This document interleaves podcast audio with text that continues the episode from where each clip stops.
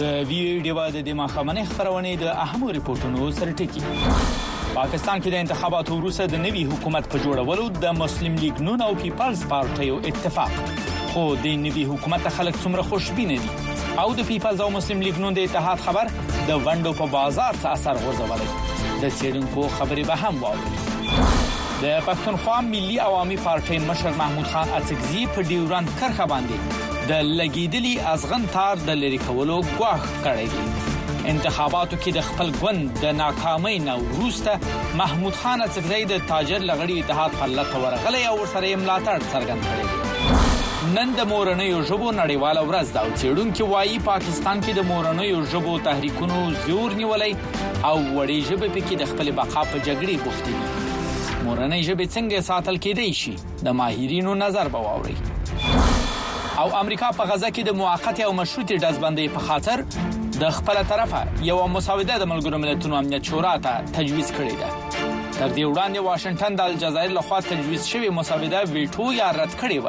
د دې ترڅنګ به د اسرایل او حماس د جګړې وروسي صورتحال هم تاسو سره شریک کړو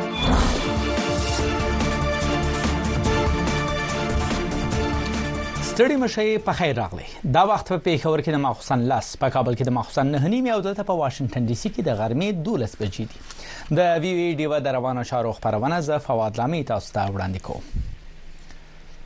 د ورځو ورځو مذاکراتو وروسته پاکستان مسلم لیګ نون او پاکستان پیپلز ګوند په مرکز کې د حکومت جوړولو پر سر اتفاق ته رسیدلی دی په نوي حکومت کې به د مسلم لیګ نون شهباز شریف وزیر اعظم او د پیپلز پارټي شریک مشر آصف علي زرداری د ملک صدر وي چېرونکو وایي د پاکستان نوې حکومت به که یو خوا د سیاسي ستونزو سره مخامخ وي نو بل خوا به یو ستونزمن اقتصادي صورتحال هم ور په غاړه وي. په مرکز کې د حکومت جوړولو په اړه د اعلان وروسته د هغه د شروع په ورځ د پاکستان په سټاک اېکسچېنج یا د ونډو په بازار کې تېزي ولیدل شوه. نور حال د الیاس خان په رپورټ کې.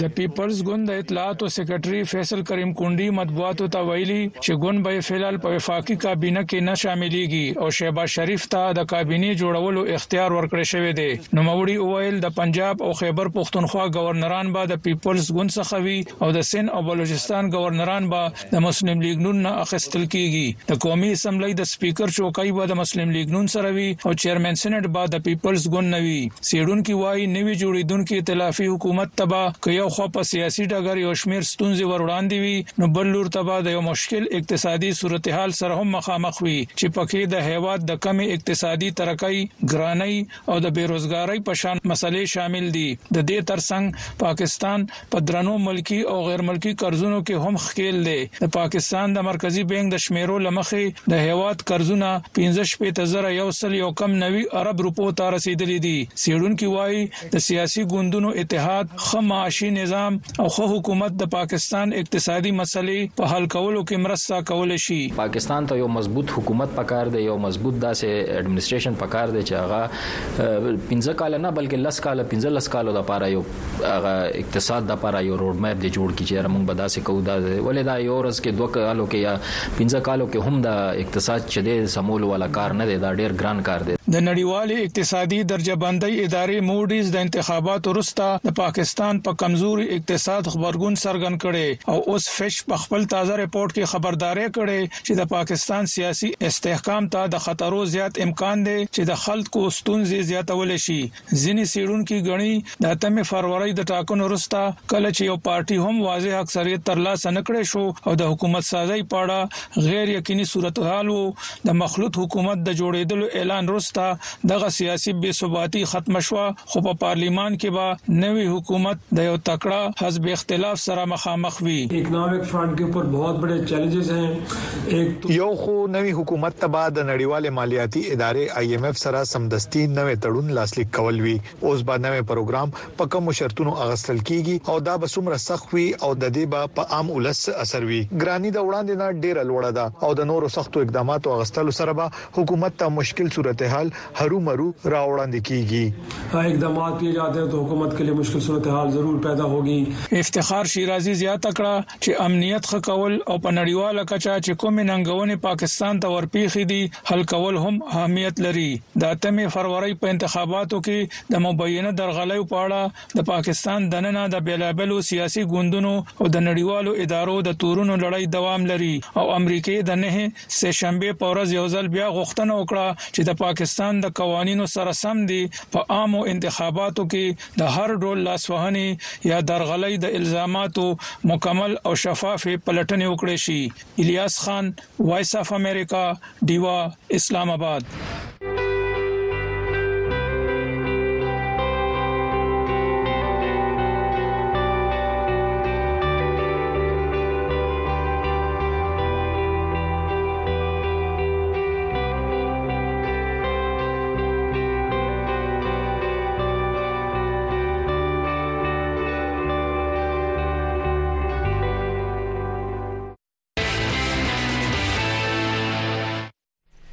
په پا پاکستان کې د هفته د خالي شنبه ورځ راهیسي د ټولنیزو رسنیو ویب پاڼې ایکس یا په خواني ټوئیټر د بندیدو اطلاعات مخ ته راغلي دي خو د پاکستان حکومت په دې اړه تر اوسه څه نه دی ویلي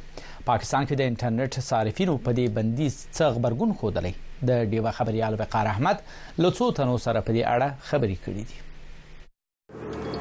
په الیکشن کې دو کم پریډیکټډ یا ډیزایرډ چې کومه نتیجې کوشش ودی طاقتورو حلقو هغه تر حاصل نه کړه نو په دې وخت اوازونه چې کوم دی هغه سپریس کولو لپاره دغه رسینو یو پاڼه هم بند کړی دا د کم یو پولیټیکل انجینیرینګ کوشش کوله پاکستان طاقتورو حلقو هغه انجینیرینګ ورنو نشو او چونکه الیکټرانیک میډیا الریډي د دوه په کنټرول چې دا نو اوس دو دا خواهش ته چې دغه چې کوم سماجی رابطو چې کوم پاڼې دي دغه هم بند کړي. یې کمزوریو کو ظاهر کرته هې. په ټویټر بندیز حکومتي کمزوري څرګندوي. هسې خو کال دوه زره څلرویشتم روان دی، خو زموږ د حکومتي پالیسیو له کبله داسې لګي چې موږ په اتیا یمه لسیزه کې ژوند کوو. نو دا ډېره د افسوس خبره ده چې په دا ټیم ټول سوشل میډیا هایجیک ده او الکترونیک میډیا نه خو مخکې هم زموږ توقع نه وه خو چونکې دا یو پلیټفارم زموږ سره موجود او په دې باندې هم دوی اوس بندیز لګولی دی د دې موږ په ډیرو سختو ټکو غندنه کوو هر قسم په سوشل میډیا چې کوم پلیټفارم دی او خاص کر ټویټر یا چې اوس کوم ایکس سوشل میډیا اکاونټ دی نو په دې بندیز داسې دی لکه چې په ښکته سطح باندې په لوکل سطح باندې د عوامو په مرو باندې لاس کېږي خلک یو اوپینین ورکوي او خلک خپل یو ډیسکنټلډ یا کم چې خفه دي خفګان ښکار کوي نو په دارنګ حالاتو کې کته ټوئیټر هم بند کې بیا دا غالب د ډیره شور خبره ده چې خلک به بیا غلیانو تراوزی او روډو ته براوزی ته سوشل میډیا هی کې ایک ایسی چیز ہے جہاں پر یوت جو ہے په ټولنیزو رسنیو ځوان کول د خپل رائے اظهار کوي خو په پاکستان کې چې څنګه ایکس بند کړی شو نو بايد دې زموږ ادارې دې دې خبرې ته پام وکړي چې په داسې حربو تاسو تعليم يافته ځوانانو اوازونه نه شي غلې کولې. په دې رياست کښې خو فريډم اف سپيچ شته هم نه لکه مطلب مونږ ايز ا سټوډنټ که ته وګورې چې دلته مونږ د فريډم خبره کوو نو په دې باندې مونږ باندې هم ډير سخت تورونه لګي نو اورال رياستي دغه مسله ده نو مونږ چې دا کوم څه ټويټر بند شوی دی د دې مونږ په سخت الفاظو کښې مزامت کوو. د بدلون په وخت کې کله چې نړۍ د غیر یقیني سره مخامخ کاری او کله چې موږ ساورو هغه هغه شان نه ښکاری چې څنګه یې وینو موږ د اړتیا ولټون کوو موږ ته چې کله نیمګړی قصه ویل کیږي موږ پر باور بیلو د کړکېچ په شیبو کې زموږ خوبونه، امیدونه او د غوره سباوند لپاره زموږ ارزوګانې ازادې میډیا ته اړتیا لري. په وایس اف امریکا کې موږ تاسو ته داسې خبرونه راوړو چې د کتلو لپاره خلک د خطر سره مخامخ کوي. موږ نړۍ سره یو ځای کوو او رښتیا سره پیوست کوو. په وایس اف امریکا کې مونږ تاسو ته پوره عکس درخایو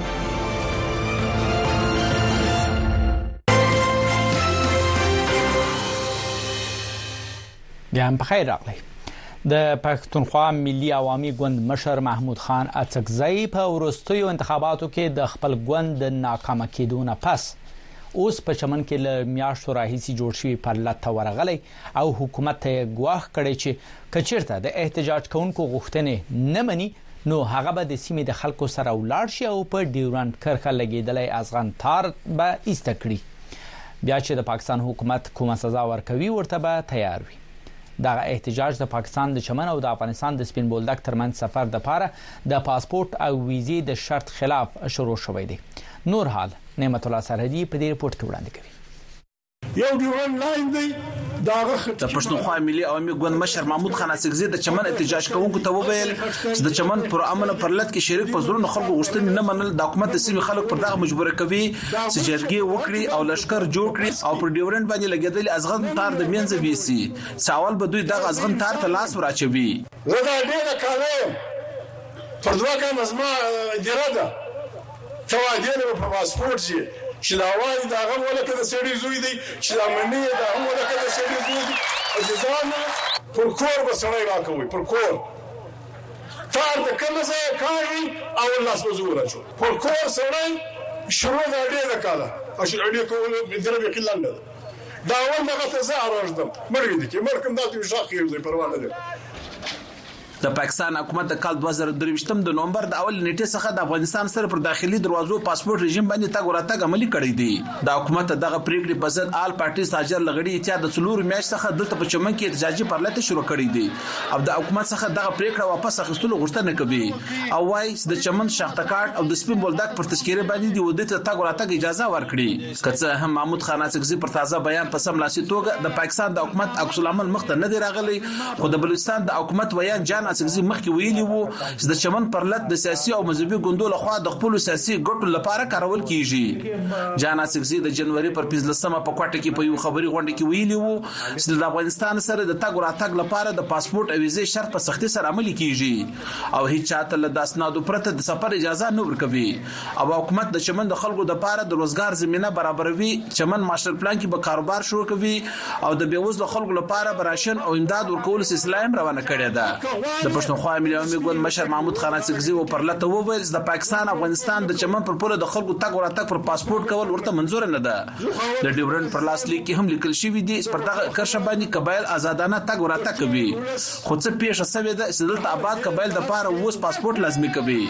مشر محمود خان اڅکزي د چمن او پرلت په خپل وینا کې د پاکستان پر اوسنی انتخاباتو هم سختې نیوکې وکړې د چمن د پرلت ویان صادق اڅکزي سره د درې ملګرو په چمن کې د پاسپورت دفتر د بندولو په تور پرون چارواکو نیولې وو هغه تیر شپه نا وخت په چمن کې د سختو تجاجونو ورسته چارواکو راخوشي کړل د چمن پرلت کوونکو د تیر درې میاشتو راځي د سپین بولدک او چمن بابې دوستي لوی لار هم بند ساتلې ده سلوجي ټوله قسمه تجارتي او ترانزیټي چاري په ټپه ولاړې دي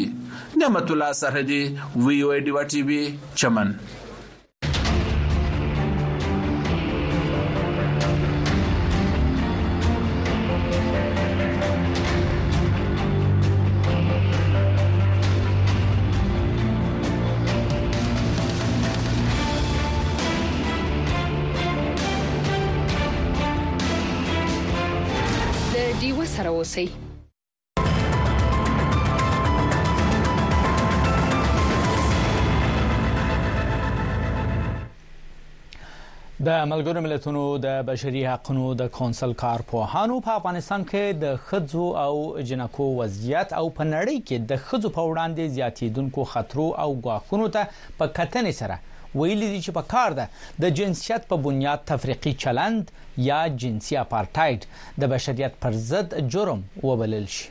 دغو کارپوهانو ویلي، په افغانستان کې د ښځو او جینکو په وړاندې د طالبانو تګلارې تفریقي چلند، ظلم او جنسیتي اپارټاید ګڼل کېدای شي. په دې اړه نور تفصیل به په نیویارک کې زموږ خبریال فضل الله راسره شریک کړي چې همدا اوس د سکایپ د لارې راسره په پروګرام کې دی. فضل الله ستړی مشه په خیر راغلی. سلامونه. د ملګرو ملتونو کارپوهانو په څه دلیل د طالبانو روي ته د جنسيتي اپارټاید یا تفریقي چلند نوم ورکړي او په دې قسمه بیانونو باندې د طالبانو عکس العمل څه دی څنګه تاسو د خپل خبرو په پیل کې وی هم دغه سیده چې د ملګرو ملتونو د بشري حقوقو چې کوم کمیټه ده دا غي تیر ورځ چې دنو هغه غونډه شو په هغه کې د ملګرو ملتونو چې کوم غړي ملکونه دي هغه هم دغه خبره چې ده په دغه باندې بحث شو که نور یو شمیر موضوعات هم خو په هغه کې بنیادی چې کوم موضوع نو هغه په افغانستان کې د بشري حقوقو چې کوم سرغړونه روانه ده البته چې کوم د جنکو په ماشومان په تعلیم باندې کوم بندیز دی یا بیا چې کوم زنانو ته د کار کولو اجازه نشته یا په سنفي بنیاد باندې دا غي سره توپيري چلن کیږي نو په دغه والي سره خصوصي خبرې شوې او د کمېټۍ يا د دغې چې کوم غړي ملکونه دي نو هغوی په دې باندې چې دی نو په دې خبره رسېدلي چې دا توپيري چلند دې بند کړی شي او که نه وي نو دا به بيا په افغانستان کې د جرم جنګي جرمونو په ضد باندې به دا هغوی په دې باره کې فيصله کوي دغه حوالې سره چې دی که تاسو وګورئ نو لا د طالبانو داسې څه حکومت له خوا څه غبرګون نه دی راغلی خو همیش له چې کله هم د صنفي یا د توپیری چلن کیږي یا د بشري حقوقو سرغړونه کیږي یا خزنانه او ته یا جنکو ته د تعلیم اجازه نه ورکول کیږي نو هغه هم دغه موقف چې یره د افغانستان خپل داخلي مسله ده او دلته کې چې دنو هغه دغه تورونه ردوي اکثر که تاسو وګورئ په پورتو کې په پروګرامونو کې او هغه وی چې دلته هر چاته په برابرۍ په توګه باندې د ژوند تیرولو حق ته خو بیا نړۍ چې کم غبرګون خودل کیږي نړۍ د خوا یا د مختلف د ملګرو ملتونو د غړي ملکونو لخوا نو هغه هم حقیقت ته چې الته کې د جنکو ته یا د زنانو ته د کار کولو اجازه نه ورکول کیږي ښه دا خو د ملګرو ملتونو د کارپانو تجویز وو چې د جنسي د جنسیت په بنیاد تفریقي چلند باید بشر ضد جرم وګڼل شي مګر څومره امکان شته چې په نړیواله کچه په دې باندې اتفاق وشي او نړیوالو قوانینو کې دا شامل کړی شي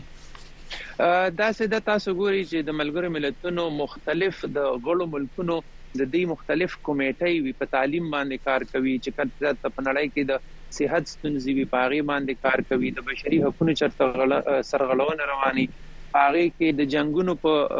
وخت کې چې د نو خلک خلکو ته د بشري مرستو لپاره مختلف ادارې کار کوي تېره ورځ هم دغسې که تاسو وګورئ نو دغه چې کومه غونډه شوې وه د اسرائیل او د غزا په حواله باندې د سیکیورټي کونسل غونډه رابلل شوې وه خو د هغې تر څنګ بیا که دغسې دا نور چې کوم مختلف غړو ملکونو کمیټه یي نو هغه په دغه مختلف چې کوم نړۍ ته ستونزې راپیښې دي نو په هغه باندې خبرې کوي نو دغه د افغانستان په حواله باندې په خصوصي توګه په کې په دغه صنفي یا د جنسي توپیر یا د صنفي مساوات باندې خبره شوې او هغه د پاره بیا دغه غړي ملکونه چې دی د نوي قوانين جوړي او بیا چې د ملګرو ملتونو سمره هم ملکونه غړي ملکونه دي هغه د دې منځوري ورکړي او د هغه نه رست بیا چې کوم هغه متعلقه ملک وي کوم الته چې چرته دا چې توپیری چلن کیږي د هغه د چارواکو د واکمنو سره خبرې اترې کیږي او بیا دغه قوانين باندې عمل درآمد کیږي په بیان کې صرف د افغانستان یادونه نه ده شوې د افغانستان ترڅنګ د نړۍ په نور برخو کې هم د خزو د حقونو د خلاف ورزیو یادونه شوې مقصد یې کوم نور ملکونه دي او څه قسمه تفریقي چلند تاسو وګورئ نو دغه سه او یقینا چې صرف د افغانستان داسې نوم نه دی غستل شوی خو د نړۍ په مختلف ملکونو کې چرته چې جمهوریت نه وي چرته آمریت وي که هغه تاسو وګورئ داسې د میانمر هم چې دنو الته کې د زنانو سره ډیر توپیری چلن روان دی بیا که دغه څه وګوري د ملګرو ملتونو د دینه مخ کې په کشمیر په حواله باندې هم خبرې اترې شوې دي چې الته کې هم د مختلف وختونو کې د هندوستان له خوا چې دی نو د زنانو سره د جنسي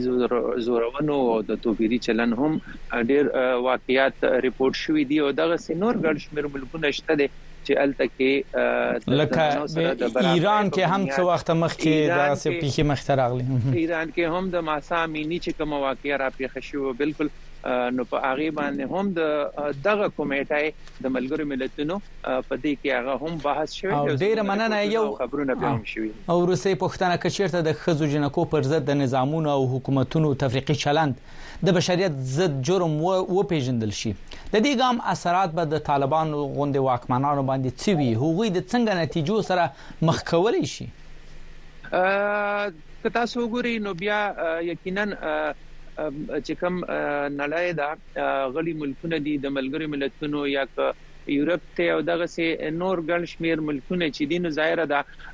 هغه چې کوم د غړو د ملګرو ملتونو غړي ملکونه وي نو بیا هغه یې د خپل طرف نه هم په هغه حکومتونو باندې فشار اچوي د هغې په بنیاد باندې تعلقات جوړوي د هغې په بنیاد باندې تعلقات قطع کوي د هغې په بنیاد باندې د تجارت او دغسې د اړیکو په حوالې سره باندې بیا په هغې باندې تاسو وګورئ نو مختلف اثرات په تعلقاتو باندې پریوزي که یو ملک یا هیواد د ملګرو ملتونو غړی ملک وي او په هغې کې دغه توپیري چلند کیږي نو نړۍ بیا په دې سوچ کوي چې د دوی سره څنګه تجارت وکړو د دوی سره څنګه رابطې یا تعلقات کې پرمختګ وکړو یا په هغه کې چې دنو دغه حواله سره بیا غي خبرې اترې کوي او د هغه په بنیاد باندې هغه د هغه ملک سره چلن کوي ډیر زیاته مننه فضل الله پوره تفصیل مو موږ سره شریک کړ ژوندي اوسئ مننه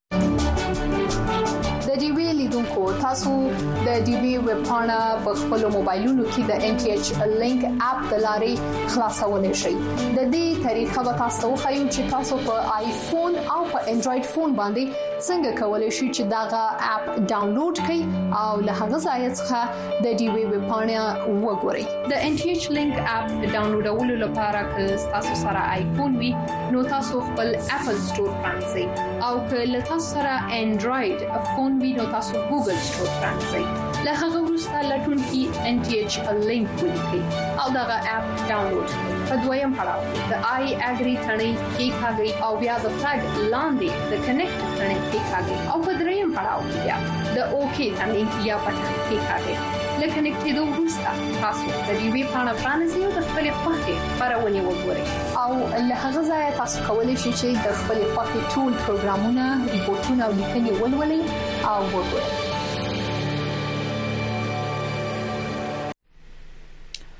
امریکا د ملګرو ملتونو په سکیورټي کونسل کې د نهي اسې شنبه په ورځ یو ځل بیا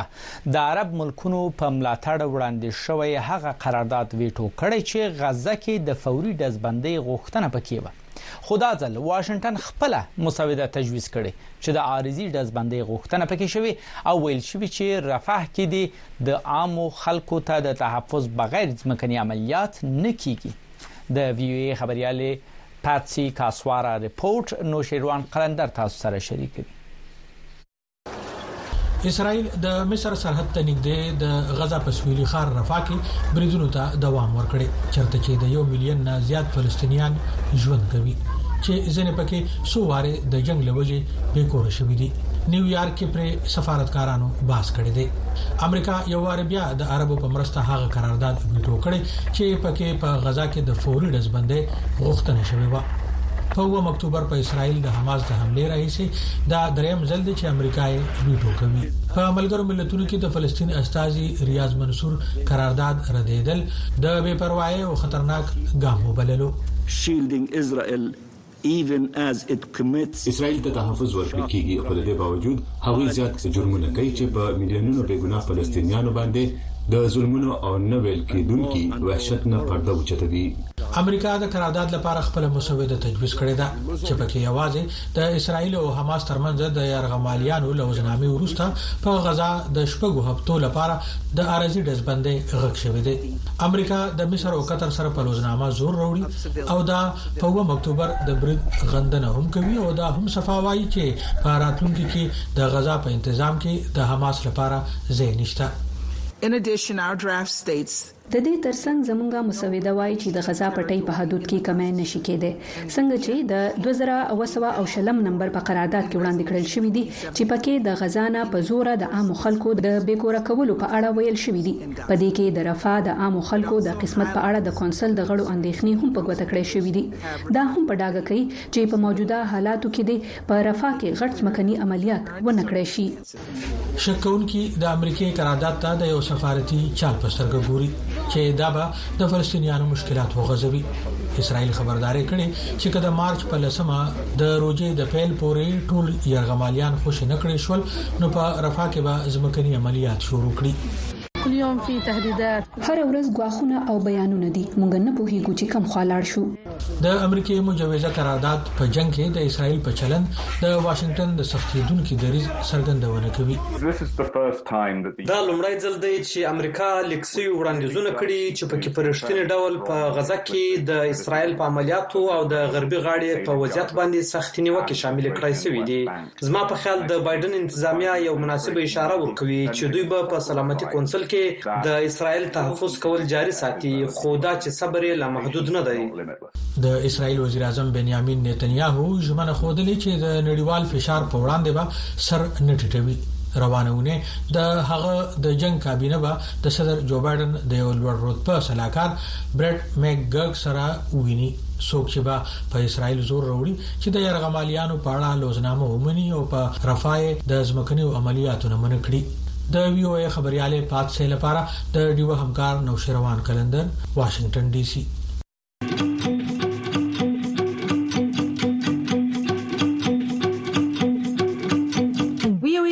سټلایټ ټي وي هر ورځ سلیویریش ساته په دیشنټینا تاسو په یو ټل سټلایټ په ټي وي تازه تولا او به طرفه خبرونه بحثونه او سیړنی کتلې او اوریدلې شي د یوټل سټلایټ فریکوئنسي یا سبې او یا بي او یا اشاریه 15 ایست چینل یو سلدري سلویری ساته لډي وسره اوسئ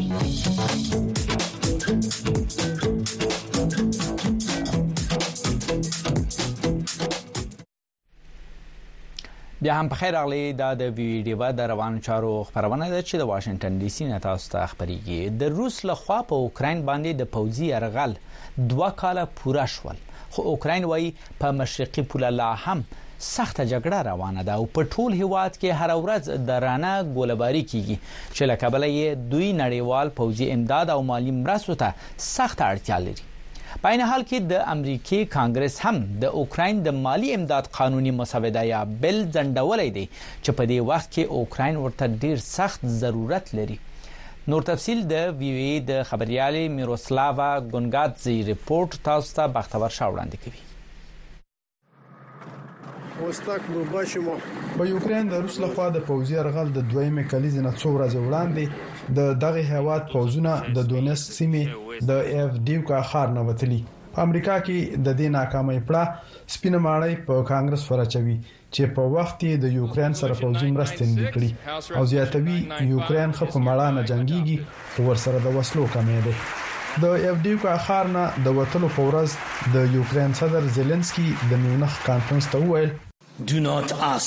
دا تپوس د یوکراین نه مه کوئ چې جنګ به کله ختمیږي، دا تپوس د خپل ځان نه وکړئ چې پوټن ولې تر اوسه د دغه جنګ د جاري ساتلو توان لري؟ په کیف ښار کې یوکریني وګړي دا یو ګران وخت بولي او یو اوږد جنګ ته تیارۍ نیسي. د کیف انډیپنډنټ اخبار مدیره اولګا روډینکو په خپل دفتر کې وه چې په کال دوه زره دوه ویشت کې د فرورۍ په میاشت کې روس حمله وکړه. دغه وخت د هغې د انلاین کار څو میاشتې شوې وې. Antony Blinken said that the invasion of Ukraine is gonna start. انټوني بلینکن وویل، د سحر نه وړاندې وړاندې به په یوکرین حمله کیږي او همهغه وخت دغه خبره رښتیا شوه. کله چې صدر پوتین د حملې په شپه خپله وینا ختمه کړه، هغه وخت هم میرمن اولګا په کار لګیا وه. مونږ یو خبر جوړ کړو چی پوتین په یوکرین د جنګ اعلان وکړو او کله چی هغه وینا ختمه کړه نو مونږ دغه خبر چاپ کړو او هم هغه وخت مونږ د چاودنو غږونه اوریدل. پرله پسې دوه کاله د جنګ خبرونو خپرولو باندې د کیف انډیپنډنټ د دغی سیمې مرکزی اخبار جوړ شو چی په انګریزی کی خبرونه خپروی چی مقصد یی نړی په یوکرین کی په روانو حالاتو خبرول دی. دلته کار کول د مایوسۍ ډک دي او کله چې خبرونه راځي چې امریکايي کانګرس یوکرین ته د مالي مرستو په بیل رایه نه ورکوي، کیدای شي دا د هغوی لپاره صرف یوه شمیره وي، خو زموږ لپاره دا ژوندي خلک د خلکو ژوندون دی. ولادیمیر اومیلین د یوکرین په پوځ کې میجر دی. دی په یو وخت کې د یوکرین د ودانیو وزیر هم پاتې دی. د کیف په یو چوک کې ولاړ دی او د یوکرين په موجوده حالاتو رڼا اچوي. We become much stronger. موږ په وسله او په خلکو ډېر مضبوط شوي یو. یقینا دا یوه د خوشحالۍ موقع نه ده او نه دا ده چې ګني جنګ به په څو هفتو کې زر ختم شي. له بده مرغه به په دې کې وخت ولګي خو حوصلې مو لوړې دي کله چې ستاسو ارادې نه وي نو ګټه نه شئ کولای او زمونږ ارادې مضبوطې دي. خو کیف کې خلک هیله من دي جنګ به زر ختم شي. زه مور او پلار لیدل غواړم هغوی بهر دی او زه دلته یم ځکه چی زه هغوی له نشم تللی. مونږ هره شپه او هره ورځ یریږو مونږ په خپل وطن کی امن غواړو مونږ غواړو چی پوټن جنګ ودروی او مونږ له خپل سیمه بیرته راکړي دا به یو لوی جنګ وي زه ډیره یریګم یوکرین به د دې لوی دشمن نه ګټه ونه کړي ترڅو ورسره نړیواله ټولنه ونه دریږي یوکرایني وګړو وایس اف امریکا ته ویلي، که د هغوی حاجت شو نو د خپل ملک په دفاع کې به جنګیږي. هغوی وایي، امید دی چې نړۍ په دې خبره پوه شي چې هغوی د جمهوري اقدارو لپاره جنګیږي او ورته د کمک ضرورت دی. د وي او ای مایروسلاوا لپاره بختور شاه، وایس اف امریکا ډیوه، واشنګټن ډي سي.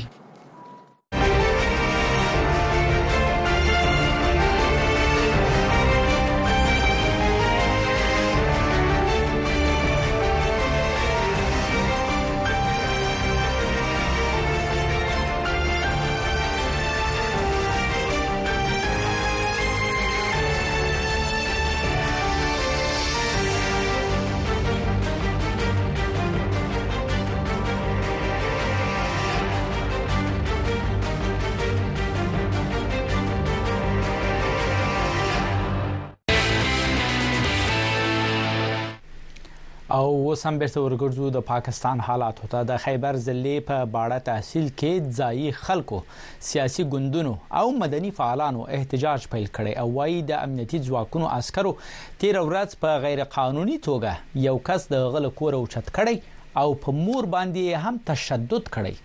چارواکو ویلي چې په ښځه یې تشدد نه دی کړی او اوچت شوی تن حکومت ته مطلوب و. په دې اړه نور حال فرید شینواری وړاندې کوي. د شورو چهارشنبې په ورځ په باړه بازار کې سیاسي ګوندونو او مدني فعالانو احتجاج پیل کړو او توري ولګول چې امنیتي چارواکو تیر ورځ د پښتنو د دود او روایتو پرته په یو کور چاپه وهله او د کور یې یو ځوان اوچت کړو او په کور کې په یو خزه تشدد وکړو خو پولیس چارواکو د تشدد تورونه رد کړي او وايي یا د خزه په خلاصي کې خوښ شوې ده نن دلته احتجاج شروع وو ډیر په زراو خلک راوتی وو په دې واقعیا باندې هغه چې کله موږ راغو بیا د پولیس ډپارټمنټ چې کوم د مشران راغلو زموږ سره مذاکرات وکړو چې موږ مذاکرات کوو بیا موږ څومره سیاسي سه سټیک هولډر دي موږ کېناستو موږ مذاکرات وکړو زموږ سلور ډیماندو چې پیل خبره خدا وا چې موږ به حل مذاکرات کوو چې تاسو پیل لاړ شئ د موراکي کور ته د هغه سره چې کوم د ملاو شي د هغه نه نواته وکړي د قبایلی رسم او رواج په مطابق باندې پولیس ډپارټمنټ راغو د مورکی کور ته هغه ته صدر واچولو صدر ور پر سر کو او سره چې کوم نه ګډانه راوستل احتجاج کوونکو وویل په سیمه کې په غیر قانوني توګه ځوانان د خپل کورونو نه اوچتول کیږي او عدالت ته هم نه وړاندې کیږي دوی غوښتنه وکړه په سیمه کې د امن په ځای کړی شي خلک دینه اوچتول کیږي او بې درکه کسان دي زر تر زره عدالت ته وړاندې کړای شي د خیبر باړې بازار کې د ځایي خلکو احتجاج سهار د یولسو بجو نه د مازیګر تر څلورو بجو پورې روان و او د احتجاج له کبله لاره تړل شوې وه نو پکار چې عدالت د هغه جرم لاندې د له خپل سزا ورکی که هغه قید یو که هغه بل څه جرم وي که هغه جرمانه وي مونږ وایو چې ته اغوا کوه ما چې مثال په تور باندې زمونږ نوجوانان اغوا شي سلور میاشتې پنځه میاشتې یا کال یا دوه کال یا لس کال بعد کله هغه ژوندې را شغله دا پته نه لګي چې ما دا وخت چرته تیر کړی دی ما په دې وخت کې روټي خوړل کنه مې خوړل ما مونږ کولو کنه مې کولو کله کله ډیر داسې وسول چې ډیر نوجوانان خلک اوچت کړي دوه درې میاشتې بعد پنځه میاشتې بعد یا کال بعد کله په یو ځکه د هغې لاش برامد چې کله په بل ځکه سیاسي ګوندونو غړو او پولیس چارواکو ترمنځ خبرو اترو پیل کېدو نه پس احتجاج ختم کړی شو او احتجاج کوونکو غوښتنې ومنل شوې په دغو غوښتنو کې ککړ تنانو په ضد مقدمه درج کېدل ننوات کول په کورونو چاپی وهلو کې به خزینه پولیس وي او اوچت شوی کسبه سلریشتیا دواویا ساتونو کې عدالت ته وړاندې کیږي فرید شینواری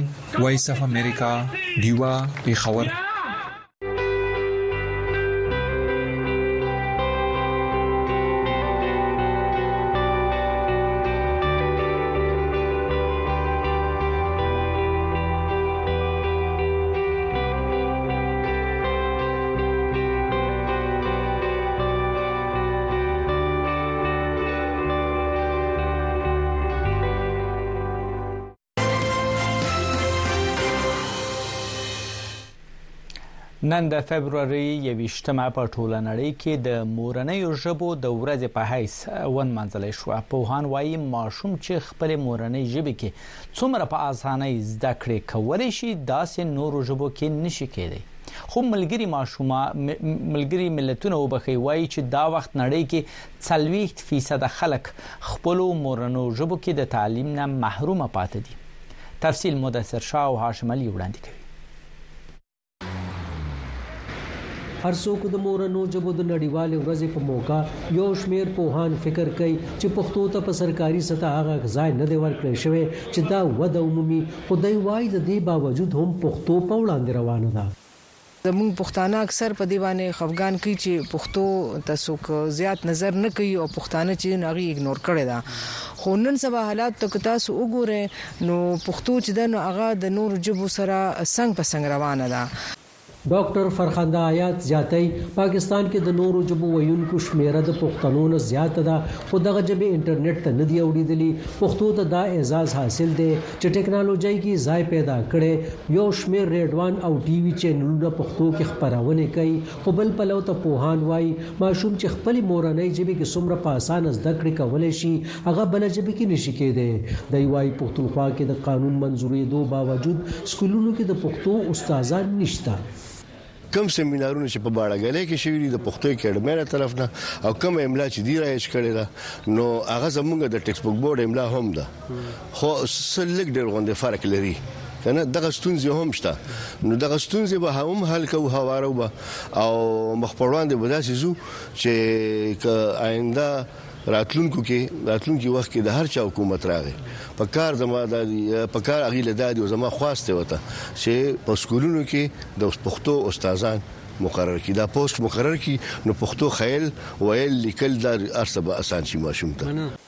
ډاکټر زبیر اسرت وایي دولس کاله وړاندې د پښتونخوا پنځو ژبو سکولونو کې د ښودلو منظوري ورکړی شوې وه د کتابونو چاپولو عمل هم شروع شوی خو بیا دغه عمل ناڅاپي د ځنډ ښکار شو. تېر کال په اته ویشتم ستمبر د پښتونخوا نګران حکومت د صوبې شخصي سکولونو ته سرکاري امر جاري کړی و چې پښتو او نورې ځايي ژبې دې د لازمي مضمون په حیث خپل نصاب کې شاملې کړي خو په دغه امر لا عمل نه دی شوی. څېړونکي وايي په سرکاري او شخصي دواړو کچو به د نورو ژبو علمي پانګې پښتو او د پښتو څېړنې نورو ژبو ته ژباړل ګټور کار وي.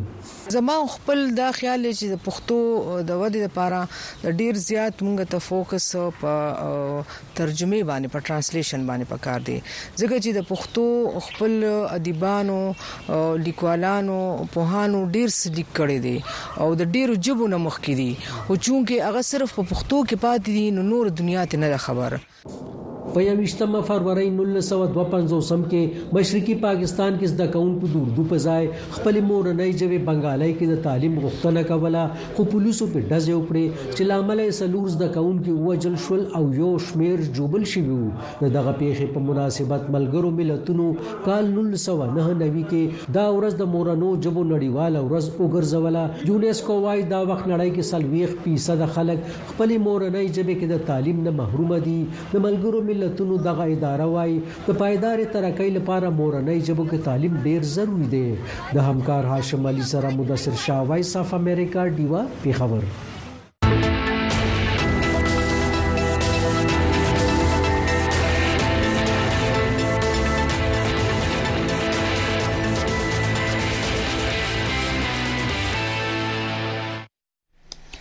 څېړونکي وایي پاکستان کې د مورنیو ژبو تحریکونو زور نیو اخیستی او وړې ژبې د خپل بقا په جګړه بوختې دي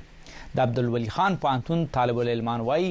باید مورنۍ ژبې پښتو ته د مور په نظر وکتل شي وپالل شي او ترقي دې ورکړې شي ځوانان وایي نوی کول د مورنۍ ژبې د اهمیت نه خبر نه دی او په کار ده چې پښتو د نصاب او اقتصاد برخه جوړه کړی شي په دې باب ریاض حسین د پوهنتون د څو تنو طالب علمانو سره خبرې کړې دي د دې ورځې په مناسبت سره به زه دومره وایم چې خپل یو شعر به وایم چې پښتو ته مې د مور په نظر وکتل پښتو ته مې د مور په نظر وکتل، زه يې ځان ته جوخته کړم، ښکلې يې کړم او زما پښتو زما څرمن ده، زما پښتو زما څرمن ده، دا نورې ژبې د لباس په شانتې دي. زه به خپله يو خبره وکړم چې زه هم د پښتنه سيمه چونکې زېږېدلې يم او هغسې په خپله پښتنه ژبه ګويا هم يم، نو مانه که خپله ذاتي تپوس وکړی شي او چرته بل چا سره مې کېنوی نو زيار چې خبرې کوي خپله کوي هغه خبره ده چې ژبه پردۍ په خوله کې نه ګرځوي زيار چې خبرې کوي خپلې کوي نو زه که څه هم وايم سر نو زه به هم په پښتو ژبه ګويا يم خو وايم چې کافي کار مورنۍ ژبه کې وکړی شي زه خپله يو کالم نګار هم يم زه خو خپله ليکوال هم يم داسې لږه غوندې شاعري هم کوم سر زه خو وایم چې باید کم د پښتو او پښتو ژبې سره تعلق لرونکي وي باید چې هغوی د خپله ژبه مخ په وړاندې بوځي او وده ورکړي. زما صیام خان نوم دی او په ولي خان پوهنتون کې د صحافت زده کړیال یم د اتم سمسټر. نو پښتو یوازې ژبه نه ده، د یو قام ژبه نه ده بلکې دا یو دود دی، یو تستور دی، خلک یې پالي. نو باید چې دې ته پاملرنه وکړل شي او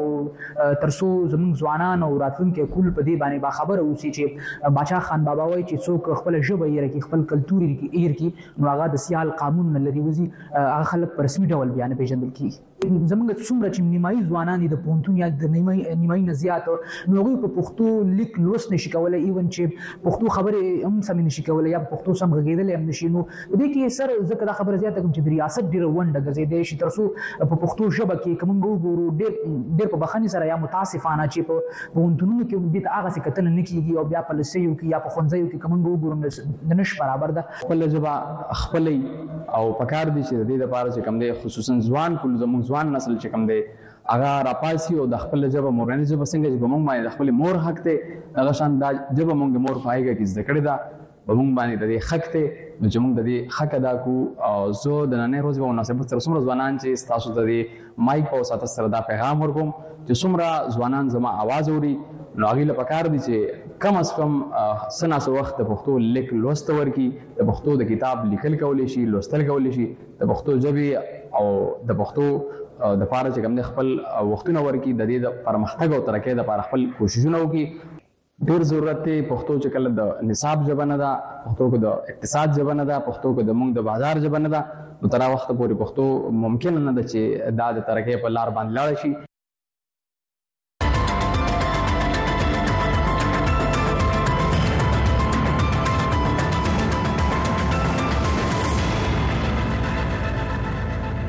او بیا هم د مورنۍ ژبو د ورځې په اړه په بلوچستان کې هم نن د مورنیو ژبو نړیواله ورځ ولمانځل شو او له حکومته غوښتنه شوې چې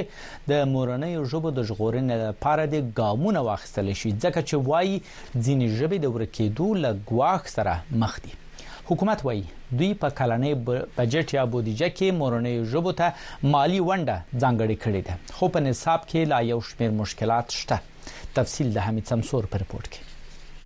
په بلوچستان کې د مورنۍ ژبو د نړیوالې ورځې په حق لباندې بیلابیل غونډې وشوې خو څلور ملتپالو سیاسي ګوندونو پښتونخوا ملي عوامي ګوند بلوچستان نېشنل ګوند مینګل نېشنل ګوند او هزاره دیموکراتیک ګوند دغه ورځ په خپل احتجاجي پرلت کې د کوټي د کمشنر د دفتر مخ ته ولمنځله وینا کوونکو ویل مورنۍ ژبه دلته په بلوچستان کې لپامه غورځول شوې ده دوی وویل چې په 2014 کال کې د پښتونخوا او د نېشنل ګوند حکومت مورنۍ ژبه په نصاب کې شامل کړي او قانون یې هم منظور کړی دی خو وایي چې عمل نه ور باندې کیږي او بقاعده مو اکټ پاس کړي لا اسمبلی ځخه خو د بده مرغه زموږ د ګورنمنت له ختم کېدنګ ورستو کلاسونه هم شروع سو کتابونه هم چاپ سو بیا دې خبرې ته هغه ارزښت او اهمیت ور نه کړل سو اکټ موجود دی پر اکټ باندې عمل درآمد پاته دی قانون جوړ شوی دی مورنۍ ژبه کتابونه چاپ شوي وو اوس په هغه کوم رکاوټونو دوی چولې دي صوبایي حکومت وایي په بلوچستان کې د تعلیم په څنګه کې مالی او تکنیکی ستونزې موجود دي لدې کبله پر دې باندې عمل نه دی شوی په بلوچستان کې د مورنۍ ژبو د ورځپاڼو او مجلو خورونکو تنظیم ویایي چې دوی له ډیرو مالی مشکلاتو سره مخامخ دي د تنظیم په وینا حکومت یوازې د اردو او د انګریزي ژبو و ورځپاڼو ته اشتهارات ورکوي او دوی د دې جوګه نه دي چې په خپل مالی توان یې وچلوي سب سي بډا مسله جو هماري. تر ټولو لوی ستونزه اول خو زمونږ د بلوچۍ، براهوۍ، پښتو او دهزارې ژبو ورځپاڼې او مجلې د نشت برابر دي او چې څومره دي هغې ته خپلې ټاکل شوې ونډې نه ورکړل کیږي. د اردو او انګریزۍ ژبو ورځپاڼو لپاره شته خو چې کومې سیمه ایزې ژبې دي د هغې لپاره هیڅ نشته. وی وویل ډیوا په دې باب د اطلاعاتو نګران صوبایي وزیر جان اڅکزي ته د ټلیفون او د واتس اپ لاري په وار وار باندې پیغام ورواستوه خو هغه ځواب نه وایي حکومت په تیرو وختو کې ویلي چې دوی په کلنۍ بودیجه کې د ټولو ژبو د ادبي اکیډمیانو لپاره مالی ونډه ځانګړې کړې ده. څېړونکي وايي، د پاکستان له جوړېدو وروسته تر اوسه پورې د لږکیو د ژبو سره توپیري چلند موجود دی او د براوي په شمول نورې ژبې هم د ورکېدو له خطر سره مخامخ دي. باید دي چې دا ژبې تجارتي زبانونه وي، دا سفارتي زبانونه وي، دا سرکاري زبانونه وي او نصاب کې دا ضروري دي چې دا نصابي ژبه په مورنۍ ژبه کې وي او هغه کې ساينسي تعلیم باید چې ورکول شي دریم شی د غدي چې هر څوک دا تعلیم نسی حاصل کولای تر هغه وخت پورې چې دا تعلیم مفت نه کوي لیکوالان وایي په نړیواله کچه څېړنې ښایي چې په نړۍ کې خلک په شاوخوا شپږ نیم زره بېلابېلو ژبو خبرې کوي چې اوس ځینې ډېر کم شمیر ویونکي لري د یونیسکو د رپورټ له مخه په نړۍ کې تر ټولو ډیر خلک په چینایي ژبه غږیږي چې شمیر یې تر یو اشاریه درې اربه خلکو اوړي. همدارنګ اسپانوي، انګریزي، هندي، عربي، پرتګالي، بنګالي، روسي او جاپاني بیا په ترتیب سره تر ټولو ډیر ویونکي لري. حمید سمسور، ویویډیوا، کوټه.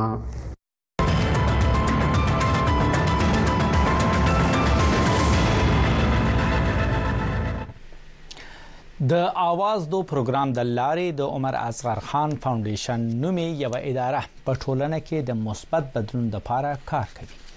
دوی دا کار د داسې ایجنټس یا فعالانو د لارې کوي چې پکې زیاتره خځې او جنکۍ دي چې خپل کلیو کې دغه بدلون لپاره فعال دي دغو فعالانو په دې وروستیو کې په پیښور کې یو غونډه هم جوړه کړې و ساجا قاسم شاه د نورو جزئیاتو سره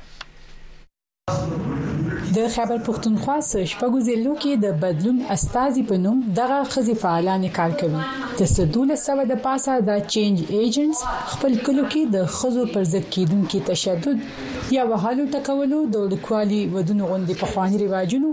د ټولنې دننه د مذهبي عدم برداشت او نفرت خاتمې غوندې حساس موضوعات باندې خبرې اترې او غونډې کوي. د نوښار د ډاګ جدید کلي نادیه شوکت چې په خپله په وړوکوالي کې د واده د وجې خپل تعلیم نیمه کې پرېښودلی، اوس نورو کې دا شعور پیدا کولو هڅه کوي چې هغوی خپل سوچ او رویې بدل کړي. انجه د دی دی سیشن سره چی د کلی خلک په عمر اغوستل شورو که به نه راتله خو بیا چی ای کله سیشن اغیستل شورو که نو بس هغه ای پکی دلچسپی شورو که په خپلو جینکو یی سبقونه شورو که کمی خبری چی هغی ته نه وه پته د کم عمری واده کی کم ظلم چی هغی یړو ظلم ګڼلو نه ای ته د خپل حقوق باره کی نه وه پته هغه تر پته ولګیده. چې د زنانو څه حقوق دي یا په معاشره کې څه رول دی څه کردار دی د کوز دیر تنزیل عالم هم د ټولنې سوچ او رویي کې بدلون باندې کار کوي او وايي تر ټولو زیات مشکل د مذهبي مشرانو په دې په حقولو چې دوی سره ناس ته وکړي او کینی او په دې خبره وکړي او هغه وی مسلسل کوششونو سره هغه خلک چې دوی ته به د کور دروازه هم نه خلاصوله اوس دوی سره د خزو د حقونو او د خزو پر ضد کیدونکو تشدد او د وړوکوالي ودونو خاتمي غوندي موضوعات باندې ناسته هم کوي او خبري اترې هم کوي دا ول خو چې مونږ لاړو نو مولیان وی چې تاسو زمونږه کما علاقې چې دا هغه خرابې دوه طرف تر روانه وي خو بیا خو چې رو رو زمونږه د میټینګونه لګ ډیر شو زمونږ اجلاس لګ ډیر شو نو پاغوي کې په خپل لکشان لګ لکشان چونکه دا یو یو وګت پروسس دی دا دومره ځن راځي خو لګ ډیر پاغوي کې هغه پوهوالی راغلی دی نو هغوی وس چې دي نو د هغوی خبرې زمونږ خبرې عام په هغوی بدی نه لګي او د کمیونټي چې دي نو کمیونټي که وس خپل حق د پاره خبره کوي نو مولیان پوه شوي دي لږ ډیر نو هغوی باندې هم بد نه لګي. د اواز پروګرام چې کال دوه زره شلم راهیسې د ټولنیز رویو بدلون باندې کار کوي، د دې پروګرام یو ځايي مشر ارشد محمود فکر کوي، صنفي تشدد، د وړوکوالي ودونو مخنیوی، او د ټولنې بیل بیل طبقو یا د رستو پاتې طبقو راګډول او منځني بهیر ته راوستل یو ګران کار دی خو د خلکو یو بل سره ناستې کولو او آزادانه خبرو اترو د لارې دا بدلون راتلی شي. زما په خیال خو خلک اوپن دي، دې باندې خبره کیږي نه. جنرالي په رويو په تبديلۍ باندې داسې خاص لکه دا دا ګڼلی شي چې دا د غير سرکاري تنظيمونو کار دی کنه او زمونږ نن موضوع هم دا و چې يره حکومتي ادارې چې دي هغه هم دې سيزونو ته وګوري چې د دې ډېر اهمیت دی که قانون سازي مثلا که د کم عمره د ودونو خلاف قانون جوړم شي یا د صنفي تشدد خلاف قانون جوړم شي خو چې رويي تبديل نشي خلکو سره خبره ونشي نو بیا د هغه باندې عمل درآمد چې دي نو هغه کمزوري د خېبر پښتونخوا پېښور، نوښار، کوز دیر، بونېر، ملکنډ او ارتباط کې د بدلون لپاره کار کوونکي دغه فعالان چې یو غټ شمېر ځايي ښځې او جینکۍ پکې شامل دي، د خپل کلتور او ټولنې دننه د چېلنجز نه باوجود په خپله هم یو مثال دي چې ورو ورو د ښځو په هکله ټولنیز رویو کې بدلون راروان دی. کېمره مېن هاشم علي سره سعدیه کاظم شاه، وي او ای ډیوه، پېښور.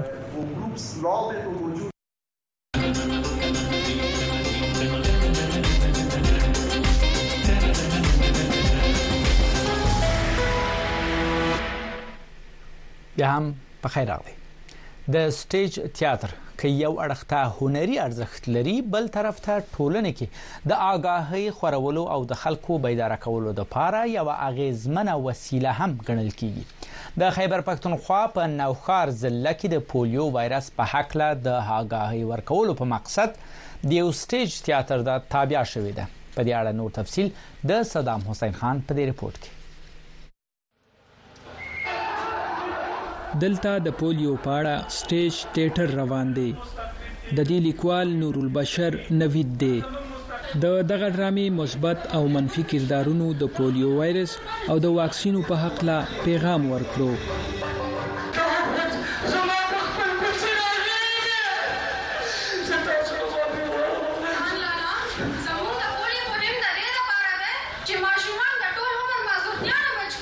ننداره کوونکو کې ماشومان، ځايي مشران او د طب پوهان هم راغلي دي.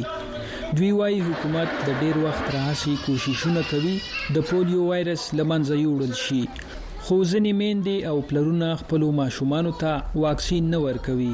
خو دا نن چې کوم دلته کې دا غونډه شوې ده او دا کوم سټیج ډرامه پرفارم شوه نو ایز ا ډاکټر مونږ ډیر مودې نه دا سیز لګونته مس کو چیرې دا سیز کمیونټي لیول باندې دا سوچ پکار دی دا فکر پکار دی څه بیماری زموږ داسې دي چې د هغې تعلق مور پلار سره هم دی.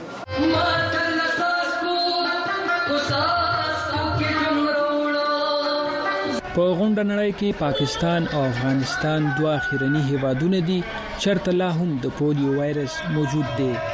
او د ماشومانو راتلونکي وخت یې د لوی خطر سره مخامخ کړی دی. پاکستان او افغانستان کې هم د پښتنو علاقو کې د بدقسمتۍ سره ماته زړه کې یره د شي ولا چې څو کلونو کې کدا وایرس ختم نشو دا په پښتون وایرس نوم سره مشهور شي ځکه چې صرف پښتنو کې دا ډیر پاتې د پښتنو علاقو کې پاتې د بدقسمتۍ سره بیا که زه نوښار پښتونخوا خبره وکم نوښار کې د ټیم کې مونږ سره 300 ریفیوزل دي پښاور کې مونږ سره اتل زره ریفیوزز دي. په خیبر پښتونخوا کې د پولیو واکسینونو په اړه لا هم ځنې خلک منفي فکرونه کوي خو ډاکټران وايي د دغه ناوړه وایرسو نه ماشومان خوندي ساتلو یوازنۍ لاره په وخت دوه څاڅکي اخیستل دي د پولیو بل کوم علاج نشته. ډاکټر ظفرالله د تېرو شلو کلونو راهسې د صحت په محکمه کې کار کوي. دی وايي، د دغه ډرامې په لورې خلکو ته د پولیو واکسینو په اړه مثبت او موثره پیغام ورسېدو. نو د دې مې خپل یو کردار دی، زموږ رایټر لیکلو کې، زموږ دا فنکاران پرې فنکاریو کې خلکو ته میسج رسوي،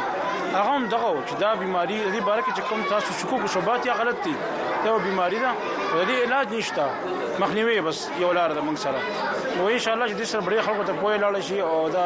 خلک په پوي شي او دا میسج به خوري داسې ان شاء الله دا سل دوه درې سو کسان نه دي دا به هر یو کس داسې دا میسج خوري دا په زرګون لکونو ته خبر لاړ شي ان شاء الله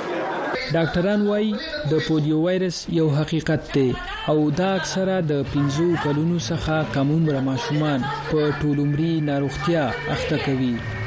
کوم خلکو ته چې پولیو بیماری شوی د ماشومان ته هغه معذور دي زمونږ په دې کلی کې مشته زمونږ په دې علاقې کې مشته نو دا بیماری خو ډیره خطرناکه بیماری ده پاکستان کې زیاتره د پولیو پیخي پښتون میشتو سیمو کې رامخې ته شوې دي په کال 2022 کې شل کیسونه تصدیق شوي وو او هغه ټول د خېبر پښتونخوا جنوبي ضلعو څخه وو. تېر کال هم د خېبر پښتونخوا په بنو ضلع کې درې، په اورکزۍ کې یو او دوه د سند صوبې کراچۍ نه رپورټ شوي وو. صدام حسین خان، وایس اف امریکا، ډیوه، پېښور. دلچسپ رپورټ و اوس هم یو بل پزړه پوری رپورټ هغه د متحده عربی اماراتو نه په متحده عرب اماراتو کې مسافر وایي چې څوک آزاد کارونه کوي نو ځان ته یې دیری نیولې وي چې یو شمیر مسافر پکې اوسيږي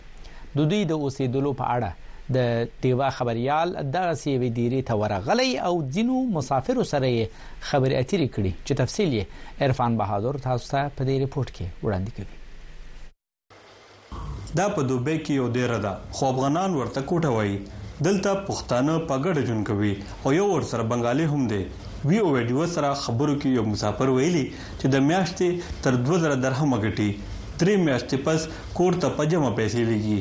دی دیره کې د یو نفر نه دری سوه درهمه د یو کټ اخستل کیږی چې د بجلی او اوبو بل پکې شامل وي. دې کټونو کې څوک ښکته او څوک بره څملي. د پاس هم یو نفر پروت یې او ښکته لاندې هم بل یې دوه نفره په کټ کې یې. دا ډسټاب کېږي سړی له خوبه وځي چې یو نفر ښکته وال راشي پاس نفر پورته ویده یې هغه خامخا راویښېږي چې ښکته څوک پرېوځي. چې ښکته څوک پروت وي پاس نفر خېږي خامخا یې ښکته وال ویښېږي. د یو بل مساپر په وینا ازاد کار کوي او مساپرو له د خوراکونو پخلی کوي او زیاتره وخت په دېره کې تېروي. د میاشتې تر اتلس سوه درهمه جوړوي چې دولس سوه کور ته لېږي او نور خپلې خرچې ته پرېږدي.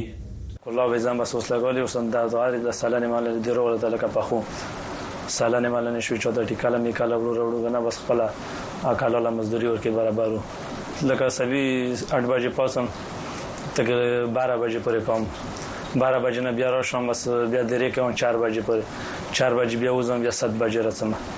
د دغو مسافرو په وینا دوبی کې ګراني زیاته ده او ځان له ځای ساتل مشکل وي نو ځکه مسافر راټول شي او داسې ترتیب باندې ژوند کوي چې پیسې بچ کړي او کورونو ته یې لیږي. دلته لږ په تکلیف یې هلته چې ولاړ شي بیا دوه درې میاشتې ښې خوشحالي تېرې کړې او یا یې کور ته ولګې پیسې ورسره بچت شي د دې دپاره دا کارونه کوي خلک دوه چته درې چته کټانو کې وسېږي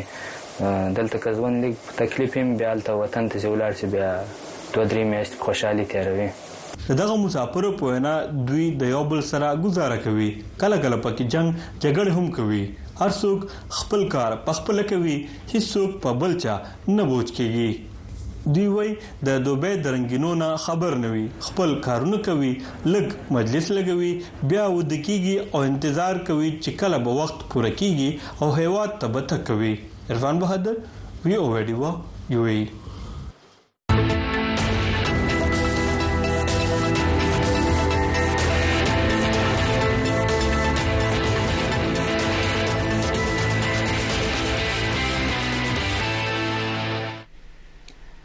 دا زمنګ د نن ورځې د خبرونې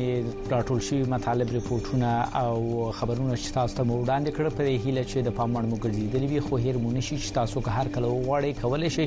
دا پروګرام او د دې ترڅنګ زموږ نور ریپورتونه او نور پروګرامونه زموږ په ویب سټ باندې چې view.devanews.com دی او همداشان زموږ په یوټیوب باندې باندې او په فیسبوک باندې باندې هم وګورئ او واورئ همداشان تاسو کولی شئ د ورځې د تازه مهمو خبرونو او ریپورتونو نه د ویو دیوا په ویب سټ او همداشان په انستګرام او په ایکس باندې باندې هم ځان خبر کړئ نو نو تاسو په پاک خدای سپارو په دې هیله چې روغ او جوړ اوسئ او کشف ولرئ تاسو نه زه اجازه غواړم علاوه مل شه او کشف ولرئ